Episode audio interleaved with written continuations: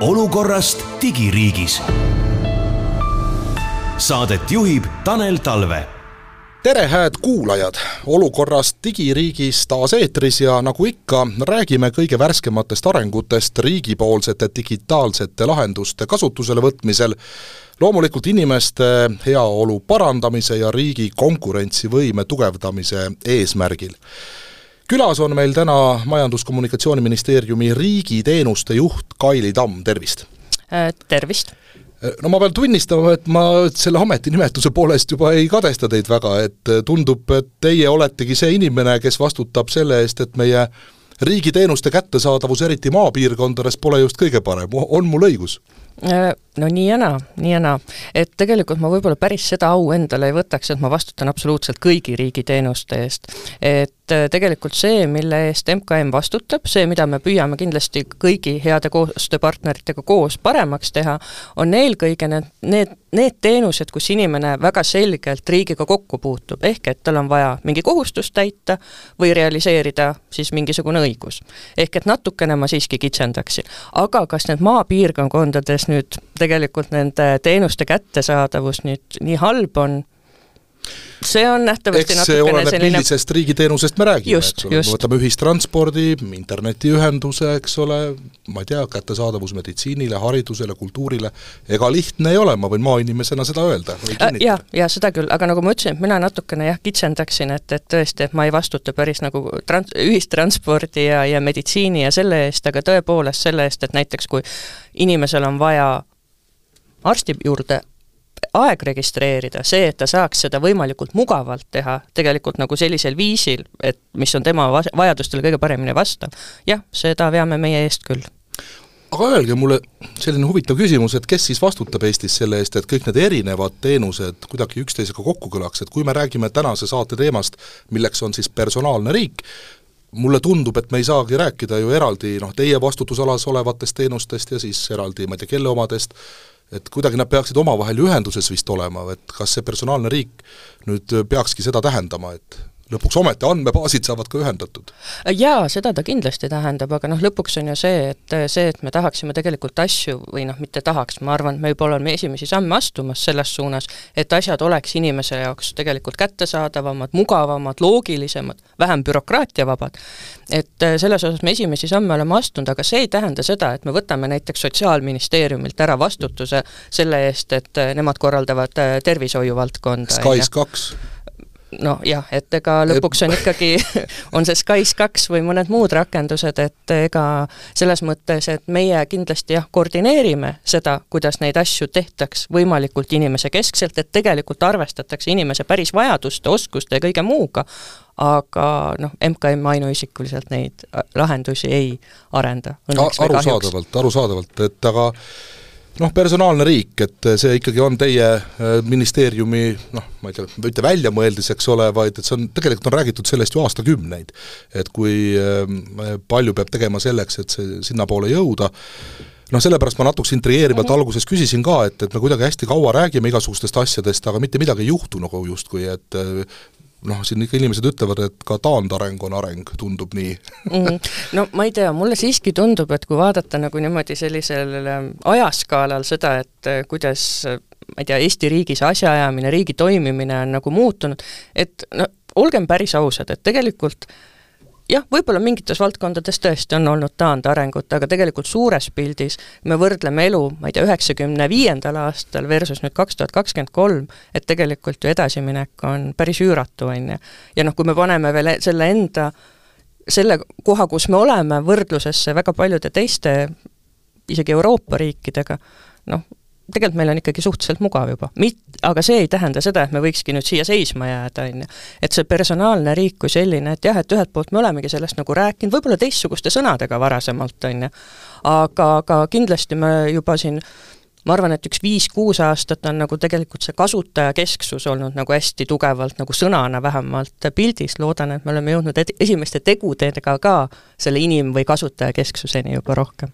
no räägime, mis asi see personaalne riik siis päriselt on ja, ja mida see inimestele tegelikult tähendab ja noh, nende inimeste seas on kindlasti ka hulk ettevõtjaid, et võib-olla niimoodi kahes osas natukese selgitada siis, et mida inimesele tähendab ja mida siis ettevõtjale võiks see personaalne riik tähendada? ettevõtja on ka inimene muidugi. absoluutselt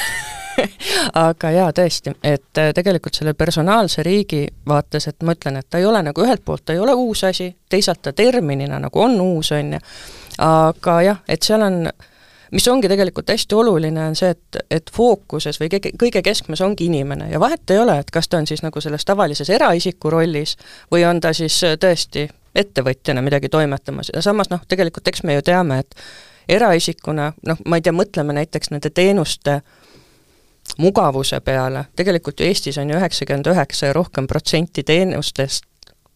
võimalik kasutada online'is, et sa ei peagi mitte kuhugi minema kui sa teed seda eraisikuna. ettevõtjana ma saan aru, et on see asi natukene keerulisem, tegelikult ma tean, et minu head kolleegid Majandus- ja Kommunikatsiooniministeeriumis tegelikult ka toimetavad sellega, et ka ettevõtjana muutuks elu lihtsamaks, et väga lihtne on ettevõtet alustada, aga mis edasi tuleb, et see, kogu see aruandluse rägastik ja nii edasi, et see teha tegelikult hoomatavamaks, lihtsamaks ja võib-olla ka tõesti seesama asi, et, et inimene ettevõtjana ei peaks üldse mitte mingisuguseid aruandlust esitama, vaid tegelikult riigil ongi siis ju noh, ligipääs vajalikele andmetele.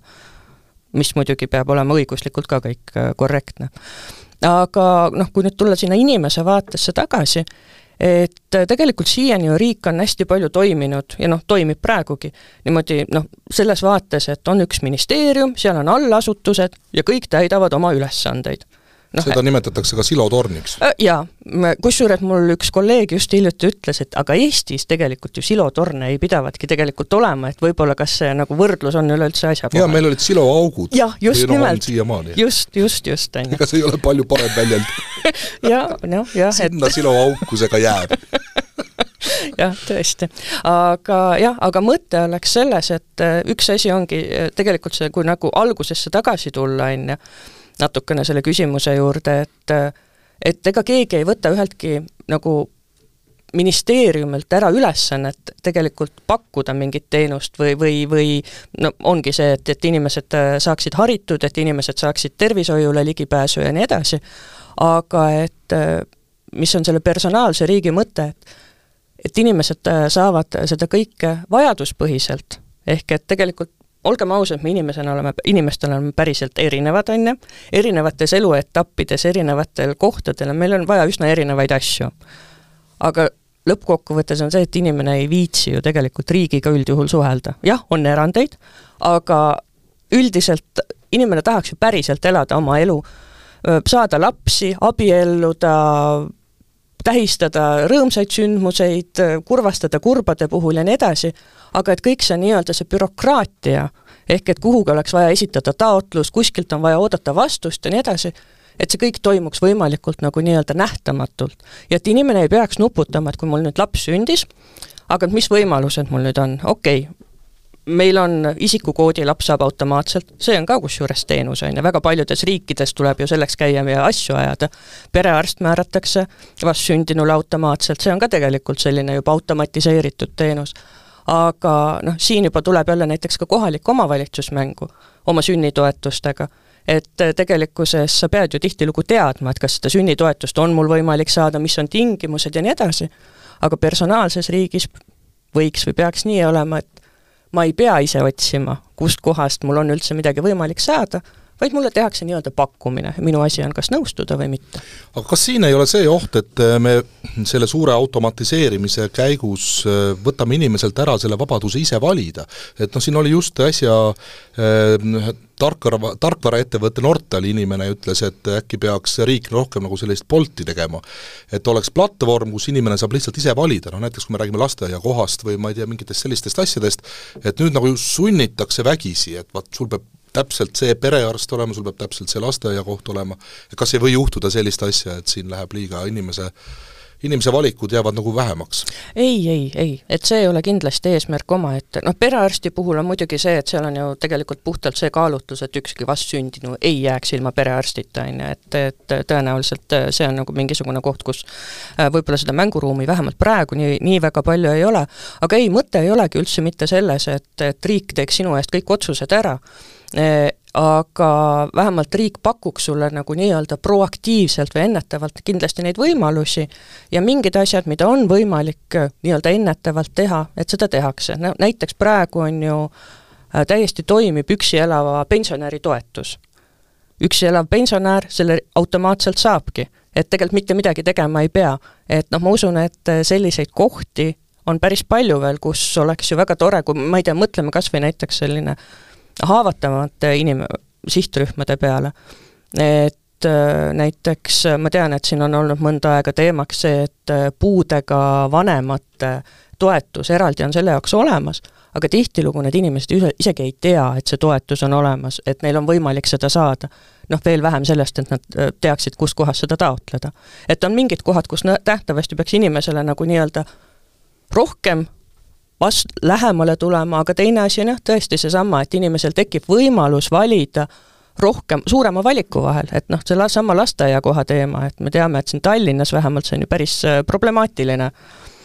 ma arvan, et see on endiselt, et minu enda lapsed küll läksid päris ammu lasteaeda, aga, aga ma mäletan, et põhimõtteliselt ühest, ühte lasteaeda, kuhu ma panin lapse järjekorda, oleks ta saanud, vaadates seda, kuidas see järjekord liikus sellel ajal, kui ta läks teise klassi, noh pensionile. nojah, just, et, et selles mõttes kindlasti, et see valikuvabadus peaks nagu suuremaks minema, aga see tähendab ka tegelikult erasektori, avaliku sektori oluliselt tihedamat koostööd. kuulge, kas see on linnalegend, et kui inimesel on puue, mis puudutab, ma ei tea, mõnda tema jäseme puuduolekut, et ta peab igal aastal käima ja tõestama, et tal ei ole tagasi kasvanud see? Mina ei ole sotsiaalvaldkonna ekspert, aga nii palju, kui mina vähemalt tean, et noh, päris vist seda tõestama ei pea, aga ma saan aru, et see reform, mis toimus, et tegelikult selle mõte oli eelkõige see, et need inimesed, kellel on äh, tõesti noh, ma ei tea, mõni äse puudu või nii edasi, et nad tegelikult oleksid rohkem ühiskonnaellu kaasatud nii-öelda ja tegelikult ma saan aru, et hinnatakse nende toimetulekut iga-aastaselt, mitte seda, et kas midagi on juurde kasvanud või tagasi kasvanud. et ma saan aru, et see mõte on nagu selles olnud, et ma väga vabandan oma kolleegide ees Sotsiaalministeeriumis, kui ma olen sellest valesti aru saanud ei, vabandama vast ei pea, aga lihtsalt ma tean, et see teema on paljude puuetega inimeste seltside ja liitudega suheldes üleval. Ja noh, see on lihtsalt üks eredamaid näiteid, aga, aga nad ikkagi on ka selles bürokraatia rägastikus päris kenasti kinni. Ja noh, kui nüüd päris aus olla, siis äh, mitte ainult nendega, vaid ka paljude teiste inimestega vesteldes, see sõnapaar personaalne riik on äh, ma ei tea, internetis levivad meemid selle kohta, eks ole, paljude inimeste jaoks on see kuidagi selline noh, pigem nagu negatiivse varjundiga asi, kuigi ta, mõte on just vastupidi mm, -hmm. positiivne olla. et noh, ma väga loodan, et see töö, mida teie teete, et neid noh, ütleme inimkeskseid asju ka nagu tõesti päriselt lahendab ja et te teate, mis mis inimesed arvavad. et noh, palju on ikkagi räägitud ka sellest, et personaalse riigi puhul ka noh, ei ole võib-olla võetud liiga palju sellist päriselu äh, arvesse, muide sellest tulenevalt üks küsimus ka, et eks see personaal, personaalsus tänapäeval tähendab ikkagi digi äh, siis tehnoloogiate kasutuselevõttu. et inimesed ei, ei suhtle enam äh, noh, päris inimesega. see on ka tekitanud küsimusi, et äh, osad inimesed siiski väga tahavad, et kõike nad ei saa sealt veebi, veebilehtedelt kätte, nad tahaks küsida, et kuulge, kas ma sain õigesti aru, et kas ma teen õigesti, eks ole. kas see inimfaktor kaob nüüd täitsa ära seoses personaalse riigiga? Ei, absoluutselt mitte ja tegelikult ei ole ka üldse mõte selles, et, et kui on personaalne riik, et siis kõik ongi selline nähtamatult digitaalne ja selline võib-olla natukene arusaamatu, on ju. et tegelikult mõte on ju ikkagi selles, et mida on võimalik automatiseerida, mida on arukas automatiseerida, seda me teeme, et aga inimesed ei kao kindlasti kuhugi ära, et tegelikult ju et inimesed, kes siis aitavad neid võimalikke abivajajaid ja nii edasi, et tegelikult neil vastupidi, peaks just jääma rohkem aega tegelikult selleks, et vajadusel nõustada, anda nõu ja nii edasi. ja kindlasti, mis on veel oluline, et me ei ole, me ei ole mõelnud seda niimoodi, et see personaalne riik ongi siis nagu kättesaadav ainult ma ei tea, arvutiekraani või siis telefoniekraani vahendusel. et tegelikult tehnoloogia võimaldab palju enamat ehk et ma ei tea, võib-olla siia maa, maapiirkondade juurde korraks tagasi tulles, et noh, tegelikult me ju teame, et tihtilugu need erinevate riigiasutuste teenindussaalid on, on päris kaugel, ühistransport on võib-olla mitte toimiv niimoodi, nagu ta peaks ja nii edasi,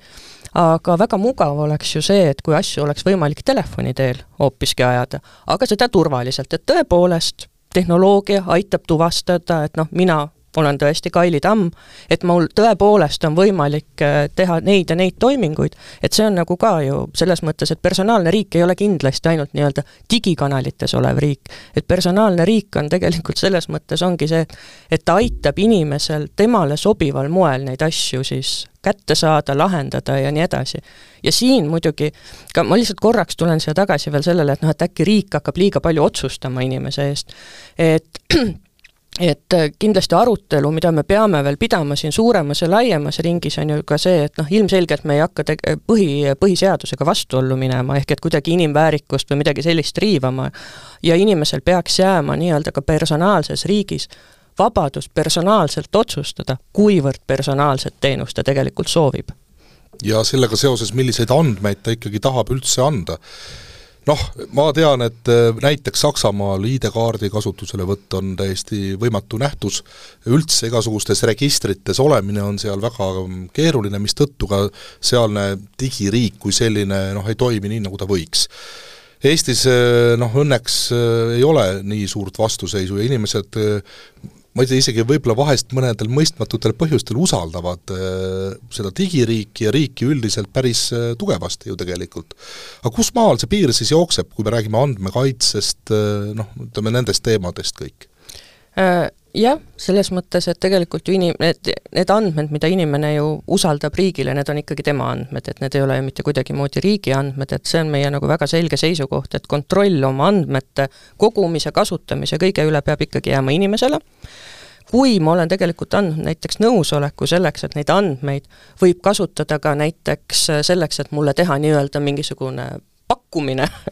nii-öelda, et, et siis peaks see, see võimalus olema. aga kui korra selle usaldusväärsuse juurde veel võib-olla tagasi tulla, et mis on iseenesest natukene huvitav fenomen, et noh, ma arvan, et meie seda digiriiki tõesti võimaldabki, on ju, ühelt poolt usaldusväärsus, noh teisalt, et meil on see elektrooniline identiteet olemas ja siis meil on X-tee, mille kaudu on ju andmed liiguvad aga aga see, et inimesed usaldavad digiriiki või tegelikult ma ütleks, et inimesed üldse riiki usaldavad, et ega see, et asjad elektroonselt või digitaalselt on äh,, ei et tähendab, et noh, põhimõtteliselt meil on ju kaks võimalust, kas meil on asjad digitaalselt või meil on nad nii-öelda paberkandjal. Kas me oleme kindlad, et paberkandjal on meie andmed tegelikult nagu kuidagi rohkem turvatud või no see on nagu valimistega no et just, just. samamoodi vaieldav, et just, eks ta on nagu lõpuks nagu mingis mõttes usu küsimus, on ju ka, aga, aga lõpuks on ju see, et inimene oma andmed tegelikult ju noh, kui ta soovib mingit teenust saada, annab ta igatahes, on ju. kas ta teeb seda digitaalselt või ta teeb seda paberkandjal, et noh, seal on nagu see küsimus. no siin lihtsalt tuleb see näide mängu, et ütleme, terviseandmed, noh väga privaatsed asjad mm, -hmm. eks mhm. ole, et täna nad on kuskil ühes andmebaasis, kuidagi noh, on väiksem risk, et asjasse mitte puutuvad inimesed võivad neid näha, samas kui need andmebaasid hullult ühendatakse kõik omavahel, noh siis ei ole võib-olla seda kontrolli enam nii suurt, et mina ei tea enam, kes näeb kõik, et mis tõbi mul kallal on. ai ei, superandmebaasi ei ole kindlasti plaanis teha, absoluutselt mitte, et selles mõttes see loogika jääb endiselt, et ikkagi need andmed, kuhu nad kuuluvad, sinna nad jäävad ja nad endiselt esialgu ikkagi liiguvad meie turvalise andmevahetuskihi ehk X-tee abil. ehk et mingisugust sellist äh, jah, tõesti mingi superandmebaasi või superandmejärve, et kus on kõigi eestlaste kohta kõik andmed, et ei, et, et see, see ei ole kindlasti eesmärk omaette ja see läheks vastuollu absoluutselt kõigi äh, põhimõtete ja ja, ja seadustega. aga tulles siit ikkagi korraks sellesama küberturvalisuse mm -hmm. juurde, et mida digitaalsemaks ju meie elu muutub, seda tähtsam on see digi, digi, digiasjade, digilahenduste turvamine, et ei satuks pahalased, et kuidas meil sellega lood on, ma kunagi mäletan, et selline viis-kuus aastat tagasi Eesti äh, küberturvalisuse eksperdid ei olnud liiga õnnelikud, et äh, nägid väga palju puudujääke selles, mis meil Eestis äh, toimub ja suuri ohte noh, ma arvan, et meie sõbralike naabrite riigi mõttes rünnakud meie Eesti riigi, digiriigi vastu on meid ikkagi teinud päris tugevaks, ma vähemalt loodan. või kuidas teie poolt vaadates see tundub? Jaa, ma arvan, et tegelikult meie hea koostööpartner Riigi Infosüsteemi Amet, kes tegelikult seda küberturvalisuse teemat riigis eest veab, ma arvan, et nad on väga head tööd teinud ja mina üldiselt nagu ma ei tea, ühelt poolt nagu võib-olla tavakodanikuna ja teiselt poolt võib-olla siis inimesena, kes on võib-olla natukene rohkem seal äh, sees, et mina, mina ei muretseks ausalt öeldes, et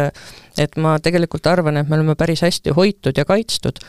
ja noh, lõpuks on ju see, et kas tegemist on nii-öelda äh, digitaalselt hoitavate andmetega või on need kuidagi muul kujul olevad andmed, et ega tihtilugu võib-olla see nii-öelda kõige suurem turvarisk on ikkagi al-, alati see inimfaktor. ehk et äh, selles mõttes, muuseas, mis on ju väga tore, et just eile või üleeile Politsei- ja Piirivalveamet tegelikult äh, ju näitas inimestele, et kuidas on nagu selliste nii-öelda petuskeemide äh, otsa kas äh, langetud või, või mitte, et, et äh, selles mõttes on nagu väga, väga hea, et seda tööd tehakse erinevalt poolt, et inimesed oleksid ise targemad. eks nendes andmeleketes ja, ja taolistes igasugustes petu, skeemides ja asjades, mis meie digiriiki ja digiühiskonda siis mõjutavad, on ikkagi jätkuvalt vist inimfaktor see kõige suurem komponent, miks need asjad juhtuvad. et seetõttu teadlikkus, inimeste hari, harimine vist on selline lõputu töö ka. no eks ta nii ongi just, et, et lõpuks ongi ju see, et see tõenäoline turvaauk tulebki kellegi noh, ma ei tea, teadmatusest, tihtilugu, noh vaevalt, et seal väga palju pahatahtlikkust ja nagu sellist äh, halba rumalust nii-öelda taga on. aga jah, inim, inimfaktor, et tegelikult ju see, et kuidas äh, noh, tihtilugu keegi mõtleb, et aga noh, noh, mis mina, väike inimene, minu andmed, asjad, no mis seal oluline, aga sinu kaudu tegelikult on võimalik tihtilugu suuremale süsteemile ju ligi saada, et äh, jah nii ta on. ma tuleks korraks tagasi äh, nende kanalite juurde mm, -hmm. et mis äh, teed pidi või mis kaudu siis inimestel ikkagi on võimalik selle ma ei tea, personaalse riigiga siis suhelda, et noh, me siin rääkisime, et ei kao ära ka vana hea telefonikõnega asjade ajamine, mis on, ma arvan, paljudele rõõmustav uudis, sest et jällegi maapiirkonda silmas pidades, ega see internetiühendus ei ole ka seal kõige parem,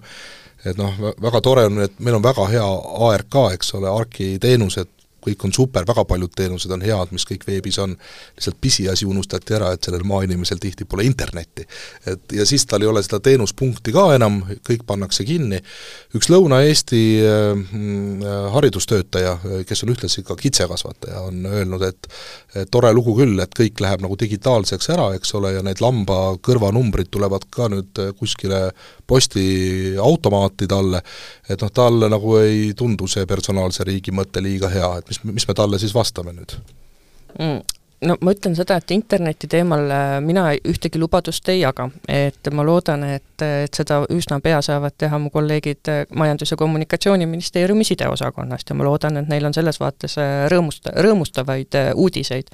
et tõepoolest sellele digitaalsele riigile on võimalik või personaalsele riigile on võimalik ligi pääseda. aga noh, nii nagu ma ütlesin, et tegelikult jah, kanalite vaates, et me kindlasti äh, ei sooviks äh, selles vaates olla nii-öelda nagu nende digikanalite kesksed, ehk et tegelikult ikkagi kasutada ära, ma tean, et äh, Euroopas on näiteks suuri panku, kus sul on võimalik oma asjad ajada tegelikult telefoni teel, kus sind tegelikult tõesti tuvastatakse, et ma ei tea, et mina olengi mina, on ju, noh mis meil Eestis veel siiani võimalik ei ole. Telekomidel kusjuures täitsa on, ma tean. ma, ma ei olnud kindel panganduses, et aga Telekomiga täitsa on, helistad klienditeenindusse, sa ütled seal oma noh, mingid asjad ära, millega mm -hmm. sind mhm. identifitseeritakse mhm. täitsa. noh, võib-olla seal ei ole ka nüüd nii suurt ohtu kui võib-olla internetipangas, eks mm -hmm. ole, või muudes mm -hmm. riigi asjades, aga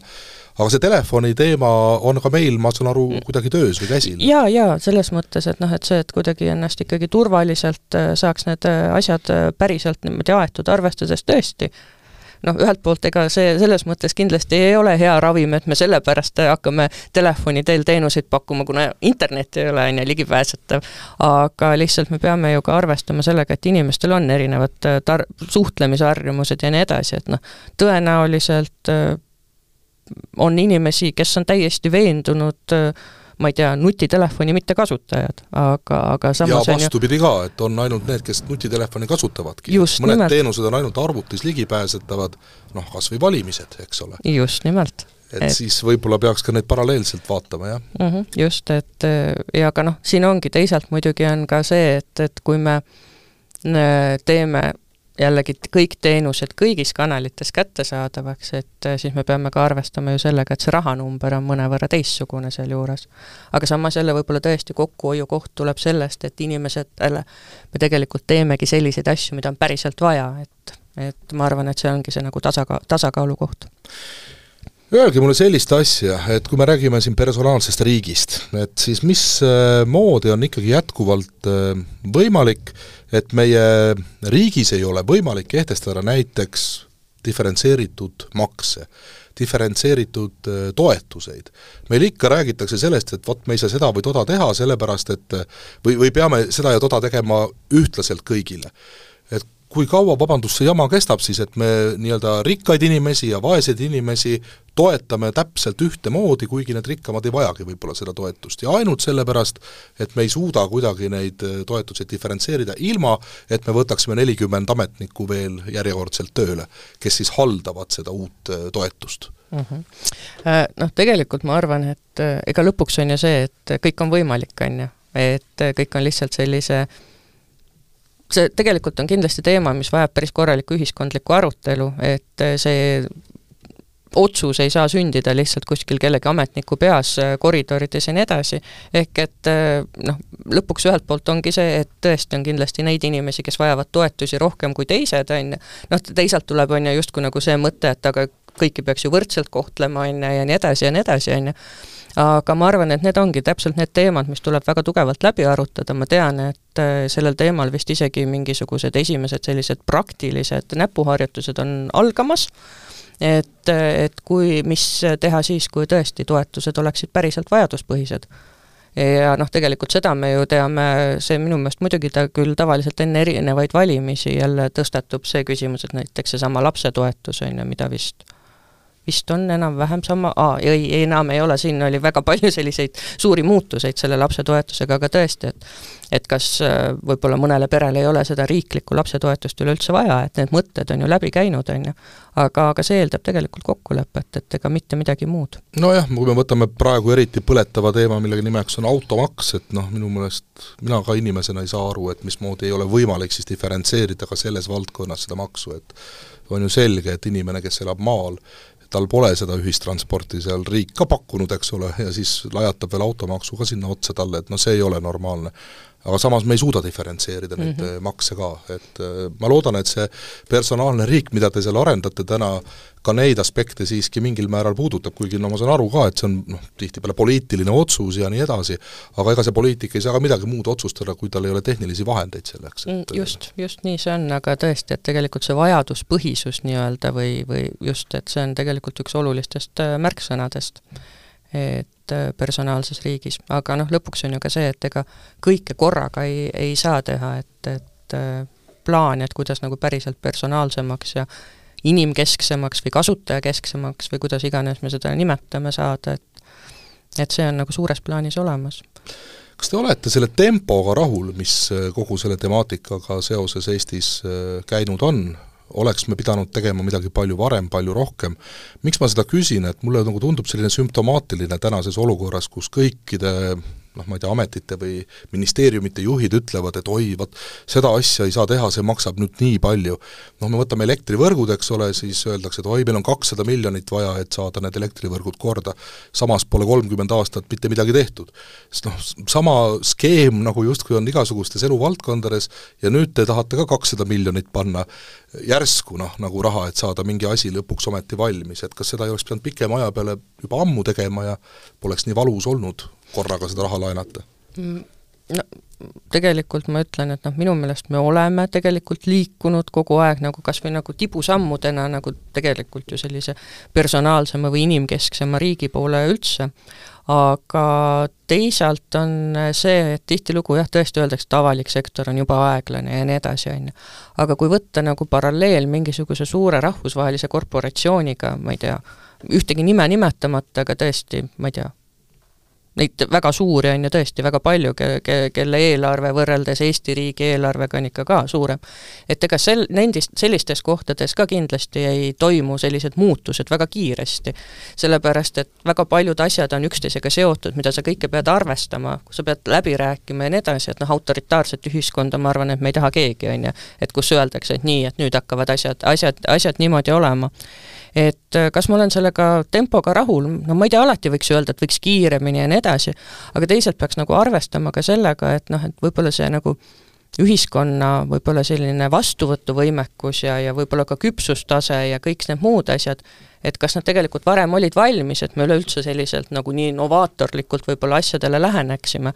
et äh, noh, et selles vaates me ei saa jällegi riiki võrrelda mingi suure korporatsiooniga, on ju, et riik ikkagi toimib teisel põhimõttel pisut ja noh, mul on väga hea meel, et ta teisel põhimõttel äh, toimib, et mitte ainult nagu on ju kasumi teenimise eesmärgil. ehk et noh, ma arvan, et siin ei ole nagu ühest vastust, kindlasti mitte mm,. aga noh, mul on tegelikult lõpuks hea meel, et äh, me tegelikult äh, teeme seda ja mul on väga hea meel, et küll võib-olla väga erinevate tonaalsusega artiklitega ja nii edasi on jõudnud see ajakirjandusse ja inimesteni, aga vähemalt see asi, mida noh, mina olen nüüd pisut üle kahe aasta Majandus- ja Kommunikatsiooniministeeriumis eest vedanud, et see asi on nüüd jõudnud lõpuks nagu sellise suurema avalikkuse ette, et see ongi nüüd nagu päriselt, päriselt oluline, et, et selles mõttes mul on, olen ma küll rahul. kui paljud asjad eh, teie maailmas seisavad näiteks seadusandluse taga? Kas seda tuuakse ma ei tea, tihti lihtsalt vabanduseks, et oi, seadus ei luba, kuigi tegelikult ei keela ka, aga lihtsalt ei ole midagi öeldud nende uute lahenduste kohta veel, et kui palju, ütleme siis, Riigikogu töö segab teie, teie tegevust ja teie, teie siis kiirust või aeglust siis põhjustab? Äh, no selles mõttes, et noh, olgem ausad, et meil tihtilugu ikkagi ollakse pigem nagu konservatiivsed, on ju, erinevate äh, seadusepügalate tõlgendamisel. kas see on hea või halb, ma ei oska selles mõttes nagu nõu, oma, selles mõttes mul ei ole väga selget arvamust, mulle tundub, et et tegelikult piirid mingis mõttes peavadki väga selged olema. aga kas need piirid peaksid nagu kitsad olema, milles me mängime, või laiemad pisut, et noh, tõenäoliselt see on nagu selline arutelu küsimus ma arvan, et ja noh, teine asi on ju see, et ega me noh, see me ütleme, et seadus ei luba või nii edasi, et noh, et ega seadus ei ole ju kuskilt taevast meile laua peale pandud, et see nüüd nii on ja mitte kunagi seda muuta ei saa, on ju. ja Eestis on üldse kuidagi huvitav see, et mitte teile ei panda laua peale, kui ma räägin tei-, teist kui ministeeriumist, vaid ministeerium paneb hoopis Riigikogu laua peale. No, kuigi ma ei tea, vanasti oli seadusandlik võim ja täidesaatev võim no,, kuidagi, aga no see selleks, mm, ei suutnud kiusatud selle vastu panna ja seda seda märkida, et teie enda nagu teha oleks ju ka need seadused. jaa, aga noh, aga samas jah, tõesti ma möönan, olles ise ka olnud üsna mitme sellise olulise just äh, seadusemuudatuse juures, et äh, jah, mõnikord see menetlusprotsess läheb ebanormaalselt aeglaseks, et äh, aga ma isegi ei oska öelda, et kas see on nagu need eelnevad see, et noh, me saaksime nii-öelda kokkuleppele, et tõesti, et see säte tuleb sõnastada niimoodi, või, või see on juba seal noh, see Riigikogu menetluses, eks me ju ole, mäletame, et siin vahepeal Riigikogu töö ei olnud ülemäära ka kiire, et, et noh, neid põhjuseid on erinevaid, aga mina ei ütleks nagu seda, et et liiga palju tuuakse e põhjenduseks seda, et seadus ei luba. et noh, minu meelest kui on nagu selles mõttes, ta on nagu päriselt arukas mõte nii-öelda ja ta päriselt nagu loob mingisugust väärtust, siis tegelikult leitakse ju ka alati mõistlik võimalus, et äh, kuidas tõesti see seadus muuta, aga ma ütlen, mul on, ühelt poolt mul on ka teisalt hea meel, et see seaduse muutmine Eestis ei käi niimoodi sõrmenipsust, sellepärast et see tegelikult ikkagi peaks nagu niisugune suhteliselt nagu püsiv asi olema, et vastasel juhul äh, noh, meil olekski tõesti siin anarhia või, või mis iganes, et sellist ühiskonda me vist ka ei soovi. no kindel see jah, kuigi ega noh, öeldakse, tark ei torma ja samas loll jääb igale poole hiljaks. just, ma tahtsin seda teise, teist lause poolt öelda. me peaksime kuidagi selle tasakaalu ikka vist leidma, muidu, muidu oleme need lollid, kes hiljaks jäävad. no nii on aga noh, samas eks on ju tegelikult ju näidanud ka erinevad kriisiolukorrad, et tegelikult saab kiiremini küll. et kui mingisugune äh, ongi väline selline oluline tegur, mis, mis tagant tõukab kuulge, kas see personaalne riik võiks tähendada ka mingil hetkel seda, et meie üha paisuv ametnike armee hakkab kahanema? Äh, kusjuures ma siin osas jään vastuse võlgu, et kas ametnike armee nii-öelda tegelikult päriselt äh, viimastel aastatel paisunud ka on, et ma ei oska öelda, et tegelikult meil ju riigiametnike hulka arvestatakse ju, et mis iganes see number on, et, et seal ei ole kindlasti ainult ministeeriumi ametnikud, et, et seal on ka ju seal õpetajad ja ja, ja päästjad ja politseinikud ja nii edasi. Te saate aru, ma ei mõelnud äh, neid inimesi. ja, ja, aga noh, see meie bürokraatia aparaadi ülevalpidamisega tegelevad. Äh, ja, ja, aga et selles mõttes see arv, et äh, tegelikult ju noh, lõpuks on ju see, et me teame seda, et meil on vananev ühiskond on ju, et ja noh, mis nagu võib-olla selles nii-öelda riigihalduse seisukohalt on ka oluline selle personaalse riigi jaoks, et lisaks sellele mugavuse aspektile inimese jaoks, et noh, samamoodi me edasi toimetada ei saa. et meil ei ole lõpuks enam nii palju inimesi, kes neid teenuseid osutaksid. ehk et tegelikult ongi see, et, et automatiseerida seda, mis võimalik, on ju, et inimese see või ametniku siis äh, osa võib-olla jääbki mõnevõrra väiksemaks, noh, teoreetiliselt võiks see tähendada ka seda, et äh, on ka vähem ametnikke vaja või ametnike töö tegelikult muutub üleüldse, on ju, kuidagi teistsuguseks. ei, et mitte ma... valesti aru saada, mina ei ole üldse ametnike vastane ega mitte midagi, lihtsalt äh, mulle tundub vahest, et äh, et, et kuidagi selline ülemäärane reguleeritus ja, ja pidev selline massiivne seaduseloome võiks olla võib-olla natukese targemalt läbi mõeldud, et kui me seadust hakkame välja töötama, kas meil ikka päriselt ka seda vaja on mm. -hmm. no meil oli ju alles uudis, et tahetakse hakata, eks ole, mingeid äh, maa-alasid hindama, mille tõttu on vaja nüüd võtta nelikümmend inimest tööle jälle. no ütleme nii, et lihtne inimene ei saa sellest aru. Mm, jah, ma, ma, ma seda täitsa mõistan aga ma saan aru, et siis ikkagi võiks äh, ka seda bürokraatiat vähemaks jääda, kui me personaalsest riigist räägime, et äh, ühel hetkel ei ole lihtsalt vaja äh, noh, midagi teha pole, põllumajanduses ei ole ka vaja enam nii palju tööjõudu või käsi, töökäsi, et, et see on paratamatu areng, et no, kas just. see võib ka sinna nii-öelda riigisektorisse jõuda? jaa, jaa kindlasti, selles mõttes, et siin ongi ju tegelikult tõesti see mõte, et automatiseerida seda, mis on äh, võimalik ja, ja noh, lõpuks äh, just, et teha seda võimalikult ju efektiivselt ja võimalikult vähese kuluga. saate lõpetuseks äh, kui nüüd võtta kuidagi selline, ma ei tea, võtame fantaasiafilmi stsenaarium ette, et äh, meil on personaalne riik, kõik asjad on välja töötatud nii nagu, on see üldse võimalik, et on lõpuni välja töötatud või see on pidev protsess, mis muudkui kestab ja kestab? see on ikka pidev protsess, sellepärast et tulevad ju inimeste vajadused muutuvad, ühiskond muutub, elu muutub, tehnoloogilised võimalused muutuvad, et et siin on kindlasti nagu selles mõttes võib-olla tõesti sarnasus nii-öelda Tallinna linnaga, et me siis kunagi valmis ei saa. jah, aga noh, mingi nägemus ikkagi mm, -hmm. et mhm. ütleme, ma ei tea, kolme aasta pärast või no võtame viis, siis on turvalisem, et mismoodi meie elu välja näeb viie aasta pärast, kui te olete kõik oma unistused saanud täidetud seal mm.? Kusjuures mulle väga meeldib see, et tegelikult äh, võib-olla mm, e, noh, et ma kindlasti nüüd ei maali pilti sellest, et kuidas meil, ma ei tea, autod lendavad ja inimesed, äh, ma ei tea, mingisuguste rataste ja jumal teab, millega edasi liiguvad. ei no kiibid on ju peas ju. ja, ja no kiibid on nagunii, on ju. aga, aga, aga selles mõttes, et tegelikult ma arvan, et see nagu nii-öelda see, kuidas sa nagu näed, on ju, seda nagu mis ümberringi toimib, et tegelikult selles mõttes ei olegi mitte midagi muutunud. et inimesed elavad oma elu tegelikult endiselt edasi saavad lapsi, käivad tööl, käivad reisidel, tegelevad hobidega ja kõige muuga, aga tõenäoliselt vähem stressirikkalt lihtsalt, sellepärast et see, mis seal taustal toimib, ehk see nii-öelda asja, ma isegi ei oska öelda, jah, võib-olla jah, niisugune nii-öelda, mis enne kulus asjaajamisele aega, on ju, erinevate asjade toimetamiseks, võib-olla väljaselgitamiseks ja nii edasi, no sellega inimene enam tegelema ei pea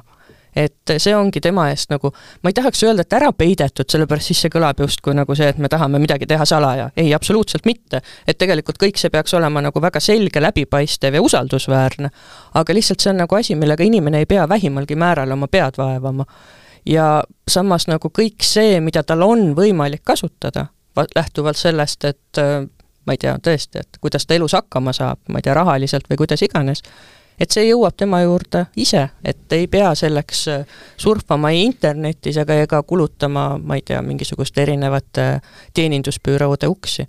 ehk et ma arvan, et nagu lihtsalt peale vaadates ei olegi mitte midagi muutunud, see olekski tegelikult nagu justkui kõige ideaalsem, on ju. aga see, mis nagu nii-öelda taustal toimub, et see on nagu muutunud. selline nähtamatu teenus või seamless service, nagu inglise keeles öeldakse, et on siis ikkagi meil ka eesmärk. just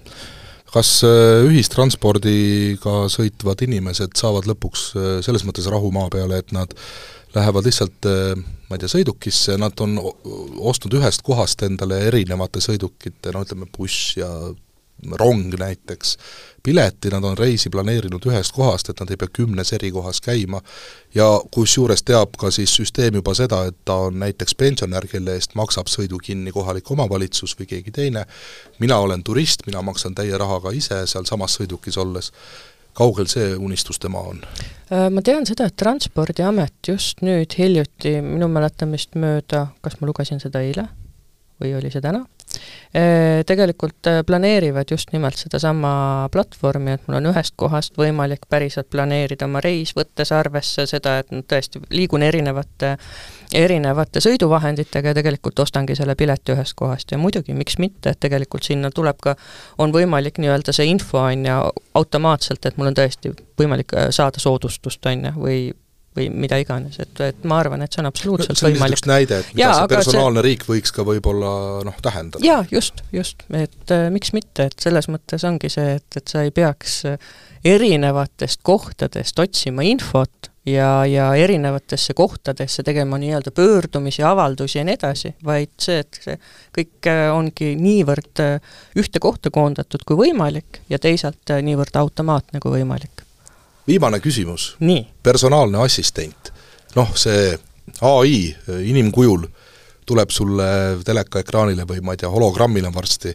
ja ongi sinu abimees ka riigiasjade ajamisel, mis võtab ühtlasi enda kanda ka selle inimliku suhtluse poole. see on väga ulme või noh, meil oli natukese aega tagasi igasugused muud asjad ka ulmed, aga täna täitsa toimivad kas te olete sinnapoole ka teel, kui me räägime personaalsest assistendist? jaa, ja see on tegelikult üks teemadest küll, kuivõrd ulme, ma ei oska öelda, sellepärast samas olgem ausad, et see tehisaru praegu ta on ikkagi selline generatiivne, et, et kindlasti mitte selline, nagu oleks, peaks olema personaalsel assistendil. aga samas on ka täpselt see, et poolteist aastat tagasi me ei kujutanud ette ka chat-GPT-d, on ju, sellisel kujul. nii et ma arvan, et tõenäoliselt see personaalne assistent hologrammina või kuidas iganes, et ma arvan, et ta tegelikult äh, võib jõuda varem, kui me seni, seni arvanud oleme, nii et, äh, et miks mitte, noh siis ongi see, et lõpuks ei ole inimest justkui üldse vaja, on ju. jah, äh, mõnes mõttes ju meil polegi muud varianti, nagu te ka ise ütlesite, ühiskond vananeb, töökäsi jääb ju tegelikult vähemaks, aga noh, eks eks ka nende teemadega tuleb muidugi tegeleda. No üks väike, no selles mõttes vaata, ma näen ikkagi, mm, et varem oli ka jutt sellest, et noh, et kas see inimlik nagu faktor või noh, inimene nagu peaks jääma, et äh, tegelikult see, sellest me oleme nagu ka omavahel siin mm, kolleegidega arutanud, et et äh, lõpuks ongi see, et, et kui kõik toimub nagu väga liiga automaatselt, siis mingid inimesed võivad väga üksikuks jääda tegelikult, ehk et see tegelikult tähendab seda, et me peaksimegi suutma natukene teistsuguseid teistsugust tuge inimestele pakkuda, teistsuguseid võimalusi, on ju, et võib-olla, et mitte hologramm, vaid tegelikult päris inimene, siis selle inimesega, kellel tõesti võib-olla ei ole lähedasi, on ju, ja nii edasi, et temaga suhtleks, talle toeks oleks, temaga räägiks, oleks lihtsalt inimlikult juures, kusjuures minu meelest kas see oli Londonis või, või Taanis äh,, avati just ühes poes äh, kassad äh, inimestele, kes soovivad kassapidajaga pikemalt rääkida, ehk et seal ongi arvestatud, et ühe inimese peale kulub oluliselt rohkem aega. Ja noh, see on ära märgitud, minu meelest äh, suurepärane lahendus. Üksindus ja üksildus on kindlasti teemad, mis vajavad eraldi saadet ja mis on väga terav probleem meie üha vananevas eh, ühiskonnas. Aga noh, fakt on ka see, et ega meil lihtsalt seda inimtööjõudu ei ole ja seetõttu isejuhtivate busside arendamine on lihtsalt väljapääsmatu, sest juba täna meil ei ole inimesest bussijuhte kuskilt eh, võtta. aga noh, nendel teemadel me kindlasti räägime saates, mille pealkirjaks on olukorrast digiriigis kindlasti veel ja veel, tänase saate stuudiokülaline oli Majandus-Kommunikatsiooniministeeriumi riigiteenuste juht Kaili Tamm, aitäh teile põneva vestluse eest, mina olen saatejuht Tanel Talve, järgmiste kuulmisteni! aitäh! olukorrast digiriigis on Majandus- ja Kommunikatsiooniministeeriumi tellitud riigi IT-teemaline podcast. projekti on kaasrahastanud Euroopa Liit